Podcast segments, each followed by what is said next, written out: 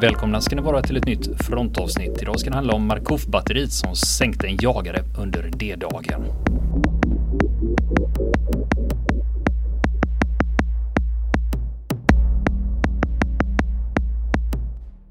Mm. Ja du Niklas, du är nyss hemkommen från Normandie fattar jag det som. Stämmer, jag har varit där på en resa och eh, tittat mig lite runt på invasionsstränderna. Intressant, det var jättelänge sedan jag var där. Jag har inte varit där på denna sidan millennieskiftet. Så att det har ju hänt en del, det har kommit upp många nya museer och, och eh, man har, eh, ja, om man ska uttrycka sig diplomatiskt, utveckla turismen lite grann. det, det, var, ja, det var en bra omskrivning. Eufemism kallas ju sånt. Va? Ja. Där finns ju en hel del intressanta historier att berätta. Vi vet ju att våra lyssnare de har ju bra koll på det här med D-dagen och Normandie, många av dem. Men eh, jag tänkte återkomma till det också i några, några andra avsnitt längre fram. Eh, några andra aspekter på det här som är mindre kända. Men idag ska vi prata om ett av kustbatterierna i Atlantvallen. Som eh, var inblandat i striderna eh, på D-dagen den 6 juni 1944. Och som ligger vid en liten by som heter Markuff, inte så långt från Utah Beach. Och eh, som alltså var i strid med invasionsflottan under D-dagen. Och eh, det är idag känt som Markuf och det är det som det står på många av skyltarna. Men egentligen så hette det Krisbeck, Eh, det här batteriet på, eh, på tyska kartor. Marine Küstenbatteri Grisbeck. Men det ligger vid en by som heter San Markuf.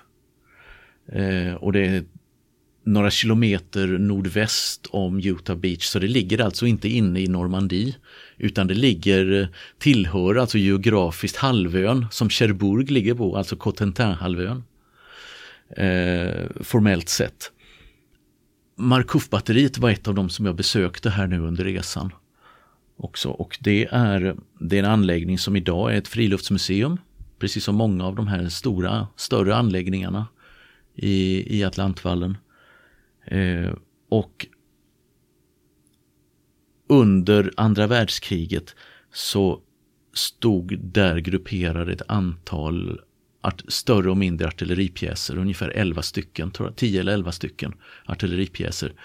Och eh, de största av dem stod i bunkrar, bombsäkra eh, bunkrar med flera meter tjockt betongtak.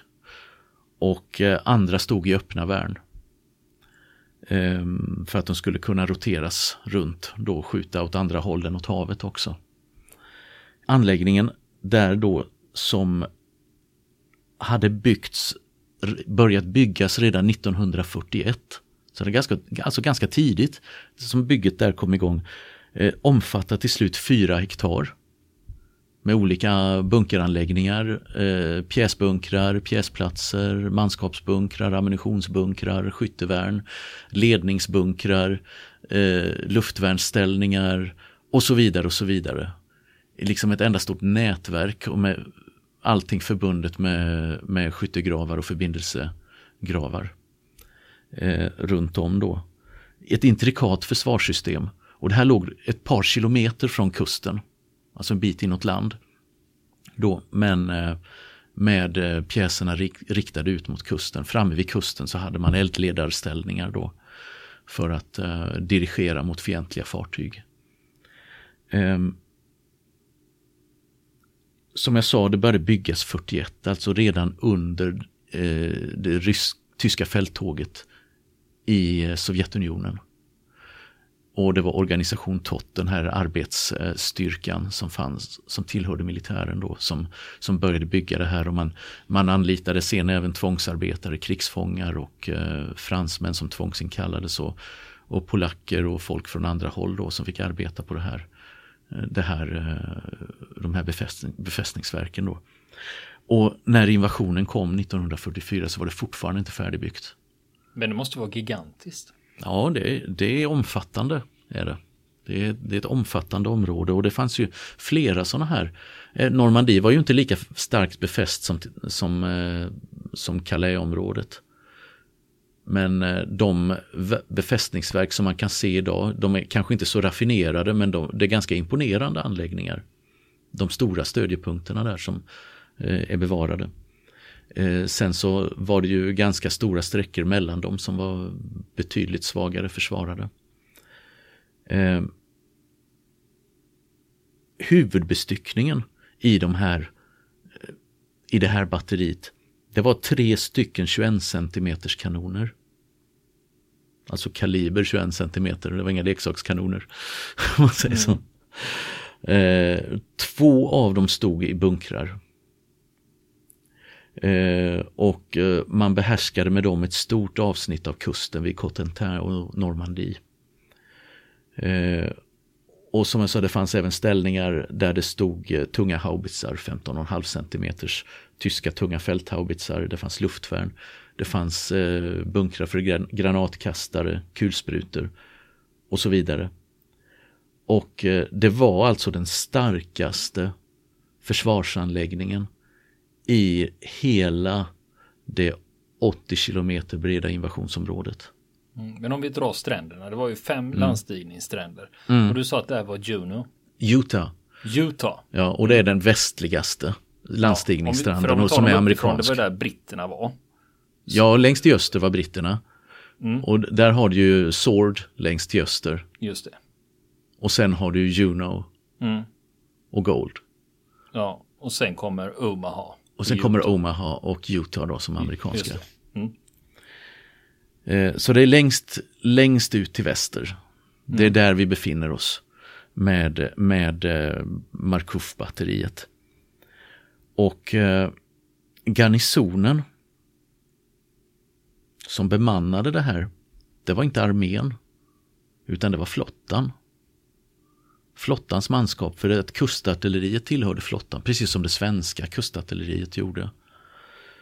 Ehm, och eh, det bestod av tre officerare, man hade drygt 20 underbefäl och så hade man 207 man. 207 meniga då. Ehm, och befälhavaren var en löjtnant i flottan som hette Walter Omsen. Ehm, och eh, Sen hade man också då för närförsvar, närskydd, eh, fått ett kompani ur eh, infanteridivisionen som låg i, på samma avsnitt, då, den 709 infanteridivisionen. Då. Eh, så därför så uppgick hela garnisonen då till fy, drygt 400 man i, eh, i det här batteriet. Och eh, Omsen då, han kan man säga en del om faktiskt. För att han var vid det här, han var vid det här tillfället eh, 32 år gammal. En ung officer, han var kustartillerist. Uppenbarligen då hade blivit chef för batteriet den 1 februari 44, alltså några månader före invasionen. Och eh, batteriet tillhörde en bataljon i sin tur då som leddes av en örlogskapten som hade sin stab i Cherbourg som var då närmaste hamnstad men som låg ändå en ganska bra bit från Normandie och där invasionen skulle inträffa. Och eh, den här bataljonens överordnade var i sin tur chefen för kustförsvaret i Normandie, en amiral som hette Walter Hennecke, som också satt i Cherbourg, en bit ifrån där händelserna skulle utspelas då. Eh, vilket fick en viss betydelse då på D-dagen att de satt så långt därifrån. Och eh, under våren 44 så då vet du, då var, förekom det mycket bombningar i Frankrike. Allierat bombflyg eh, som eh, bombade järnvägar, barngårdar, fabriker, broar och så vidare. Allt för att störa de tyska krigs invasions, förberedelserna för det tyska invasionsförsvaret i, i Normandie. Och sen ju närmare man kom invasionsdatumet så började man också bomba eh, befästningarna längs kusten med bombflyg. Eh, och då fick de ju vara lite raffinerade där och liksom inte välja ut några favoritmål utefter kusten utan de fick ju bomba rättvist så att säga. Så att inte tyskarna kunde räkna ut att eh, var invasionen skulle äga rum. Men, eh, men även Markuffbatteriet fick ju sin släng av sleven då och eh, hade bombats flera gånger då under veckorna före invasionen. Men eh, det var ändå fullt funktionsdugligt på D-dagen då eh, när det inträffade. Och eh, hamnade då i strid då med landstigningsstyrkorna på Utah Beach och med den allierade invasionsflottan utanför kusten. Eh, Omsen var alltså den 6 juni 1944 den första officeren på sitt avsnitt att sikta den allierade invasionen och invasionsflottan. Är det det som skildras i The Longest Day? Man... Ja, där, där, ja, där lyfter man fram, framförallt fram en annan officer på, på Omaha Beach. Mm. En major som heter Werner Pluskat. Som också var eh, först på sitt sätt. På sitt avsnitt? ja, på sitt avsnitt kan man säga. Och, och sikta, sikta invasionsflottan då. Eh, vilket är en annan spännande historia. Men Omsen var den som officiellt fick äran, om man nu kan kalla det för en ära, Eh, att i de tyska bulletinerna efteråt, han fick riddarkorset för det, för att han hade varit först att, först att eh, liksom slå larm om invasionen. Det var en pluskat på sin sida, han blev inte trodd av sina överordnade när han försökte förmedla uppgifterna om att han hade, en, hade den allierade flottan framför sig. De trodde att han hade druckit för mycket. Om vi backar lite grann till natten till den 6 juni så, eh, så befinner sig Omsen i en bunker nere vid batteriet. Medan eh, en del av hans soldater och en del av Tross och så vidare, de befinner sig uppe i byn. San Marcouf. En liten bit därifrån. Och där har han också egentligen sitt eh, högkvarter, Omsen. Eh, i, eh, när det är lugnt, så att säga. Stridsledningsplatsen är på batteriet men högkvarteret har den uppe på ett litet chateau i byn. Då. Men så får de, eh, blir de utsatta för eh, en bombräd då på natten. Och eh, han får en rapport om att eh, hans eh, trupper uppe i byn har blivit svårt träffade. Och har drabbats svårt av, eh, av eh, allierade flygbomber. Så att han skickar ut en patrull dit för att eh, leta efter överlevande och ja, skynda till hjälp. Helt enkelt. Och liksom bedöma skadorna där uppe. Men den här patrullen kommer snabbt tillbaka till bunkrarna och rapporterar att nej, vi, vi, vi kom aldrig fram till byn, vi träffade på amerikanska fallskärmsjägare istället. Och eh, det handlade då om eh, fallskärmsjägare ur, ett, eh, ur eh, det så kallade 500 andra regementet då som hade landat i trakten runt Marcouf och San Mereglis. Den berömda byn. Tillhör de 82 då? Ja, just det. Där, där en ja, John Steele, fallskärmsjägaren som blev hängande i kyrktornet. Ja, och San Mereglis är ju känd mm. för att det är första franska byn som mm. befrias. Just det, precis, precis. Och vad han gör då är att han skickar en första rapport till eh, sin chef i Cherbourg då att eh, nu vi har kontakt med fienden. Vi har amerikanska fallskärmsjägare här i buskarna runt omkring oss. Så att han, han ringer upp då till eh, den här amiralen i Cherbourg och, och, och berättar detta och han, sen sätter han samman en, en förstärkt patrull på tyska, en stöttrupp då på drygt 20 man då som skickas upp till byn då för att eh, rensa upp. Jaga reda på så många fallskärmsjägare de kan innan de hinner samla sig och bekämpa dem. Och eh, det gör de, det utbryter strider i närheten av batteriet och uppemot byn. Och efter ett par timmar så kommer den här patrullen tillbaka med 20 tillfångatagna fallskärmsjägare. Och eh, när de då förhörs och visiteras så inser då Omsen att fan de här fallskärmsjägarna de har ju bättre kartor över mitt batteri än vad jag har. De hade fått, deras underrättelsetjänst hade fungerat, de allierades väldigt väl och eh, de hade god inblick över de eh, tyska försvarsställningarna på det här avsnittet. Men var, det, var, det, var batteriet målet för de här fallskärmssoldaterna från 82 eller? Eh, det verkar inte ha varit så utan eh, de kom nog ur kurs helt enkelt. De var ju utspridda över ett så stort område så att eh, de var ju egentligen inte effektiva. Men batteriet var inget primärmål som jag har uppfattat det i just det här läget. Var det, inte, det var alldeles för väl befäst för att de skulle kunna ta det med, med fallskärmsjägare. Ehm, efter det här så är det ju högsta beredskap som gäller på batteriet. Och i timme ut och timme in så sitter Omsen i sin stridsledningsbunker vid det stora avståndsinstrumentet. Det är den här, en, en stor fältkikare. Du har sett de här som ser ut som ett, artilleristerna använder. Ett rör. Ett rör, ja. Precis, ett rör på tvärsen och sen ja. sitter uh, prismerna ute i varje, uh, jämt, i varje ände av röret så att säga. Och riktade framåt då för att man ska, som man använder för att eh, mäta in avståndet till målet då. Där sitter han och använder detta och, och en artillerikikare då för att spana ut i mörkret och ut över, över kanalen och se om man kan upptäcka någonting. Och mycket riktigt, några timmar senare då, framåt femtiden på eh, morgonen, så siktas fartygen vid horisonten i invasionsflottan. De närmar sig kusten. Och han blåser, blåser fullt alarm för hela Atlantvallen. Efter detta. Och eh, eh, ungefär en timme senare så börjar själva invasionen från sjösidan. Då,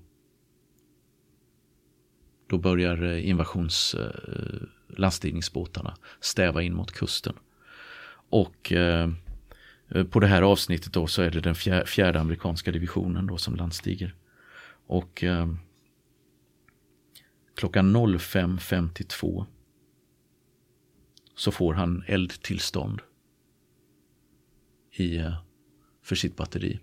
Och då befinner sig den allierade invasionsflottan 17 kilometer bort. 17 kilometer utanför kusten. Och eh, efter tre minuter så avfyras första salvan. Då skjuter, de, skjuter man då mot eh, tre amerikanska kryssare. Tuscaloosa och Quincy bland annat och sen slagskeppet Nevada. Och det blir omedelbart en duell. Här. Så det tar inte många minuter förrän elden besvaras utifrån havet. Då. Och, eh, och det här blir då en... Eh, eh, området kring Markuf blir som en schweizerost snabbt. Då, på grund Jag tänker att det mm. ändå, mm. batteriet ligger ju ändå mm. in, en bra bit innanför stranden. Mm, är det överhuvudtaget, ser man det från de här fartygen? De ser mynningselden. Det är, alltså, så det är mm. rent optiskt kan Ja, rent optiskt så ja. kan de se mynningskällan. För jag tänkte just i och med att de hade eldledning ute ja, vid kusten. Exakt. Och sen låg batteriet längre in. Så mm. jag tänkte att ibland kan, går det faktiskt att göra så med artilleri. Att ja. Eh, du, du, du siktar med blotta ögat. Du nästan. lobbar ju in. Ja, visst. Nej, i det här fallet så gick de ju på uh, gick de ju på mynningselden Eh, beprövat att du, du spanar mot fiendens artilleriställningar genom att se varifrån skjuter de. försöker plotta in var mynningselden ligger. För att det här var ju ett väl kamouflerat batteri också. Mycket maskeringsnät och kamouflagefärg och eh, annat. Som gjorde att det skulle smälta in i terrängen så gott det gick. En dryg halvtimme senare så eh, duellerar man med en amerikansk jagare som har vågat närma sig kusten. Eh, gått väldigt långt fram för att eh, beskjuta eh, befästningar vid stranden. Och det är en jagare som heter Corey. Och eh, den blev, hamnade därefter då vid halv sju tiden på morgonen i siktet för batteriet Markov. Och eh, om vi bara ska säga något kort om Corrie då så var det, alltså det, den var tre år gammal. Amerikansk jagare, hade börjat byggas 1941. Ehm, 1600 ton, 37 knop kunde göra. Det var väldigt snabb för sin tid. Och eh, hade 260-280 mans besättning med befälen. Och eh, de deltog då i, i eh, invasionsflottan och gav eldunderstöd till landstigningen då avfyrade flera hundra granater mot landmål. Och eh, då vid 6.30-tiden när trupperna är på väg mot, eh, mot stranden då så hamnar den i skottlinjen då för Markov-batteriet. Eh, när de gick så nära så var det ett, ett flygplan skulle gått in och lagt en rökridå framför Corrie för att skydda det mot, eh, mot eh, tyska artillerister, kustartillerister. Men flygplanet blev nedskjutet så det blev ingen rökridå. Blev det, utan de hade gått i praktiken då hamnat ohälsosamt nära kusten. Blivit ett framträdande mål.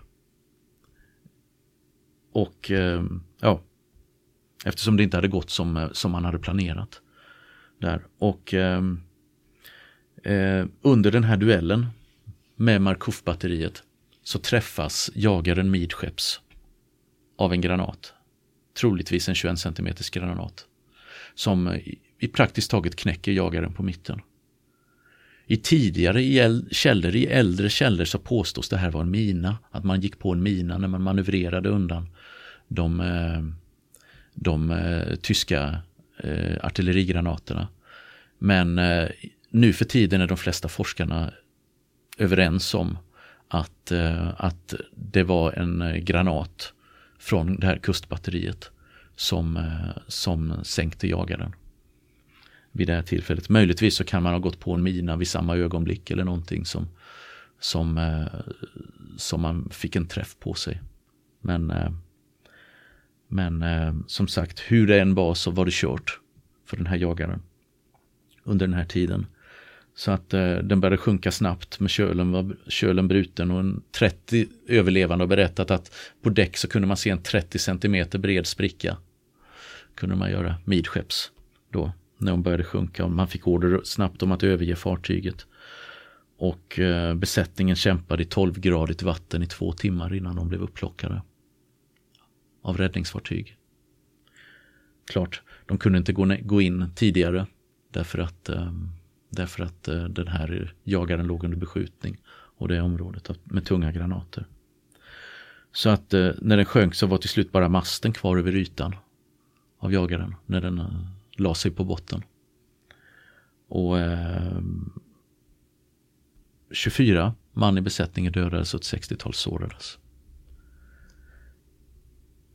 Och som sagt, efteråt så var det en kontrovers då eh, om vad som hade sänkt henne då. De amerikanska rapporterna sa att det var första amerikanska rapporterna sa att det var artilleri Senare ändrade man det till att hon hade gått på en mina under en undanmanöver. Och de tyska rapporterna var entydiga också att det här var vårt artilleri. Vi hade henne på kornet. Och det är det som gör att man, man säger idag så att det var, en, det var artilleriet, det var det här kustbatteriet som, som eh, sänkte, sänkte Corrie. Eh, läser man till exempel Cornelius Ryans Den längsta dagen så påstår han att det var en mina det var den versionen som fortfarande rådde då när boken skrevs i slutet av 50-talet.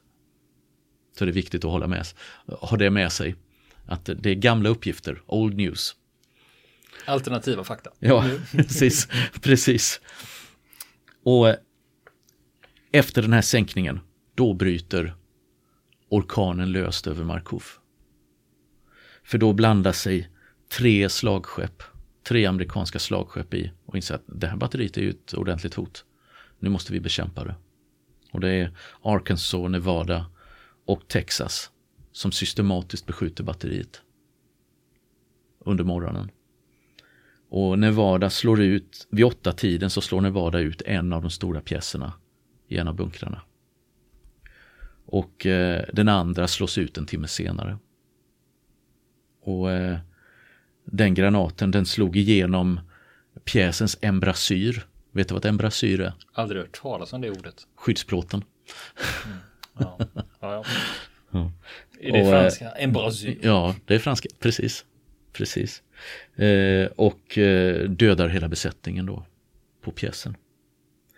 Men eh, den första pjäsen, alltså den, den, den som slogs ut som tvåa där då, den är ohjälpligt förstörd. Men den första pjäsen den gick att reparera.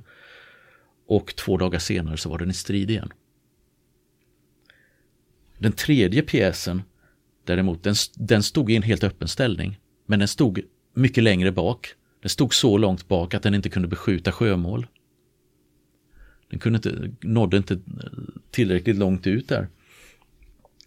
Och utan den kanonen börjar lite senare på förmiddagen beskjuta mål på stranden istället. Och eh, orsakade förluster då vi under, för amerikanerna under själva landstigningen. Då. Fordon och materiel och soldater. Och nästa vecka fortsätter vi berättelsen om Markov-batteriet. Och så har vi faktiskt några rättelser. Det är ju så att vi har ju väldigt begåvade uppmärksamma lyssnare som direkt hör när det är någonting vi säger som inte stämmer överens med verkligheten. Och här handlar det om avsnittet Den förlupna kulan eller dödsolyckan på Inget Södertälje 1991. När vi listar upp eh, de dödsolyckor som inträffat när det gäller värnpliktiga Eh, då säger vi att det står NB5 och NB21 och felaktigt så säger vi att det står för Nordic Battle Group. Det gör det alltså inte. Nordic Battle Group var inte ens uppsatta på 90-talet utan NB5 och NB21 som eh, vi nämner här, det står för Norrlands brigad och inget annat. Och jag vill tacka den uppmärksamma lyssnare som påpekade det här för oss. Ni är självklart välkomna att höra av er till oss när ni hör någonting som inte är som det ska vara. Även om vi gör så mycket vi bara kan kan för att det ska bli rätt från början.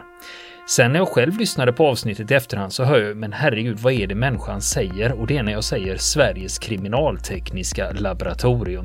Och det stämmer ju inte, för det hette ju faktiskt Statens kriminaltekniska laboratorium. Vill ni komma i kontakt med oss så kan ni göra det via vår Facebook-sida som heter Fronten. Det är inga problem för er att leta er fram där. Eller också så mejlar ni på vår mejladress och det är frontenpodcastgmail.com.